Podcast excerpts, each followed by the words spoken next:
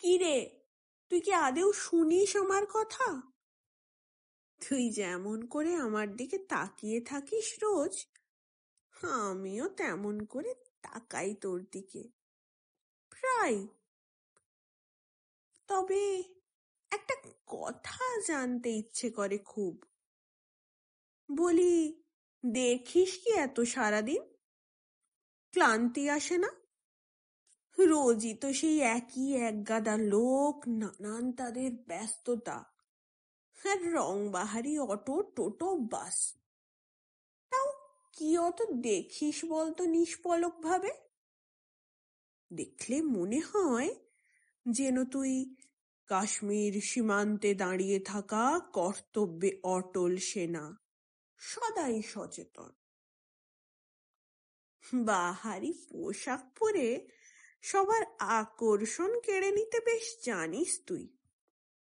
তোর পাশ দিয়ে পেরিয়ে যাওয়ার সময় খুব কম লোকই আছে যারা তাকায় না তোর দিকে।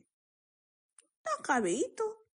তোর যা দাঁড়ানোর কায়দার চুলের বাহার, তা দেখে শহরের কৃত্রিম সুন্দরীরাও করবে হাহাকার। কিন্তু শোন তোর ওই কায়দা তোর কাছেই রাখ।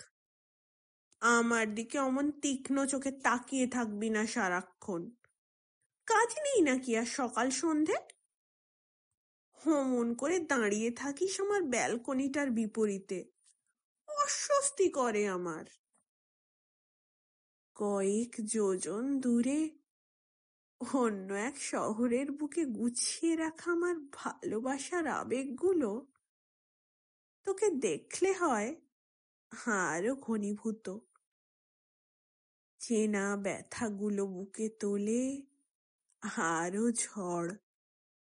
জানি এই কোনো অনুভূতিরই দাম দিতে পারিস না তুই। কারণ কারণ তোর বুকের আড়ালে লুকিয়ে থাকে না কোনো স্পন্দন। কারণ তোর বুকের আড়ালে লুকিয়ে থাকে না কোনো ভালোবাসা প্রত্যাশী মন।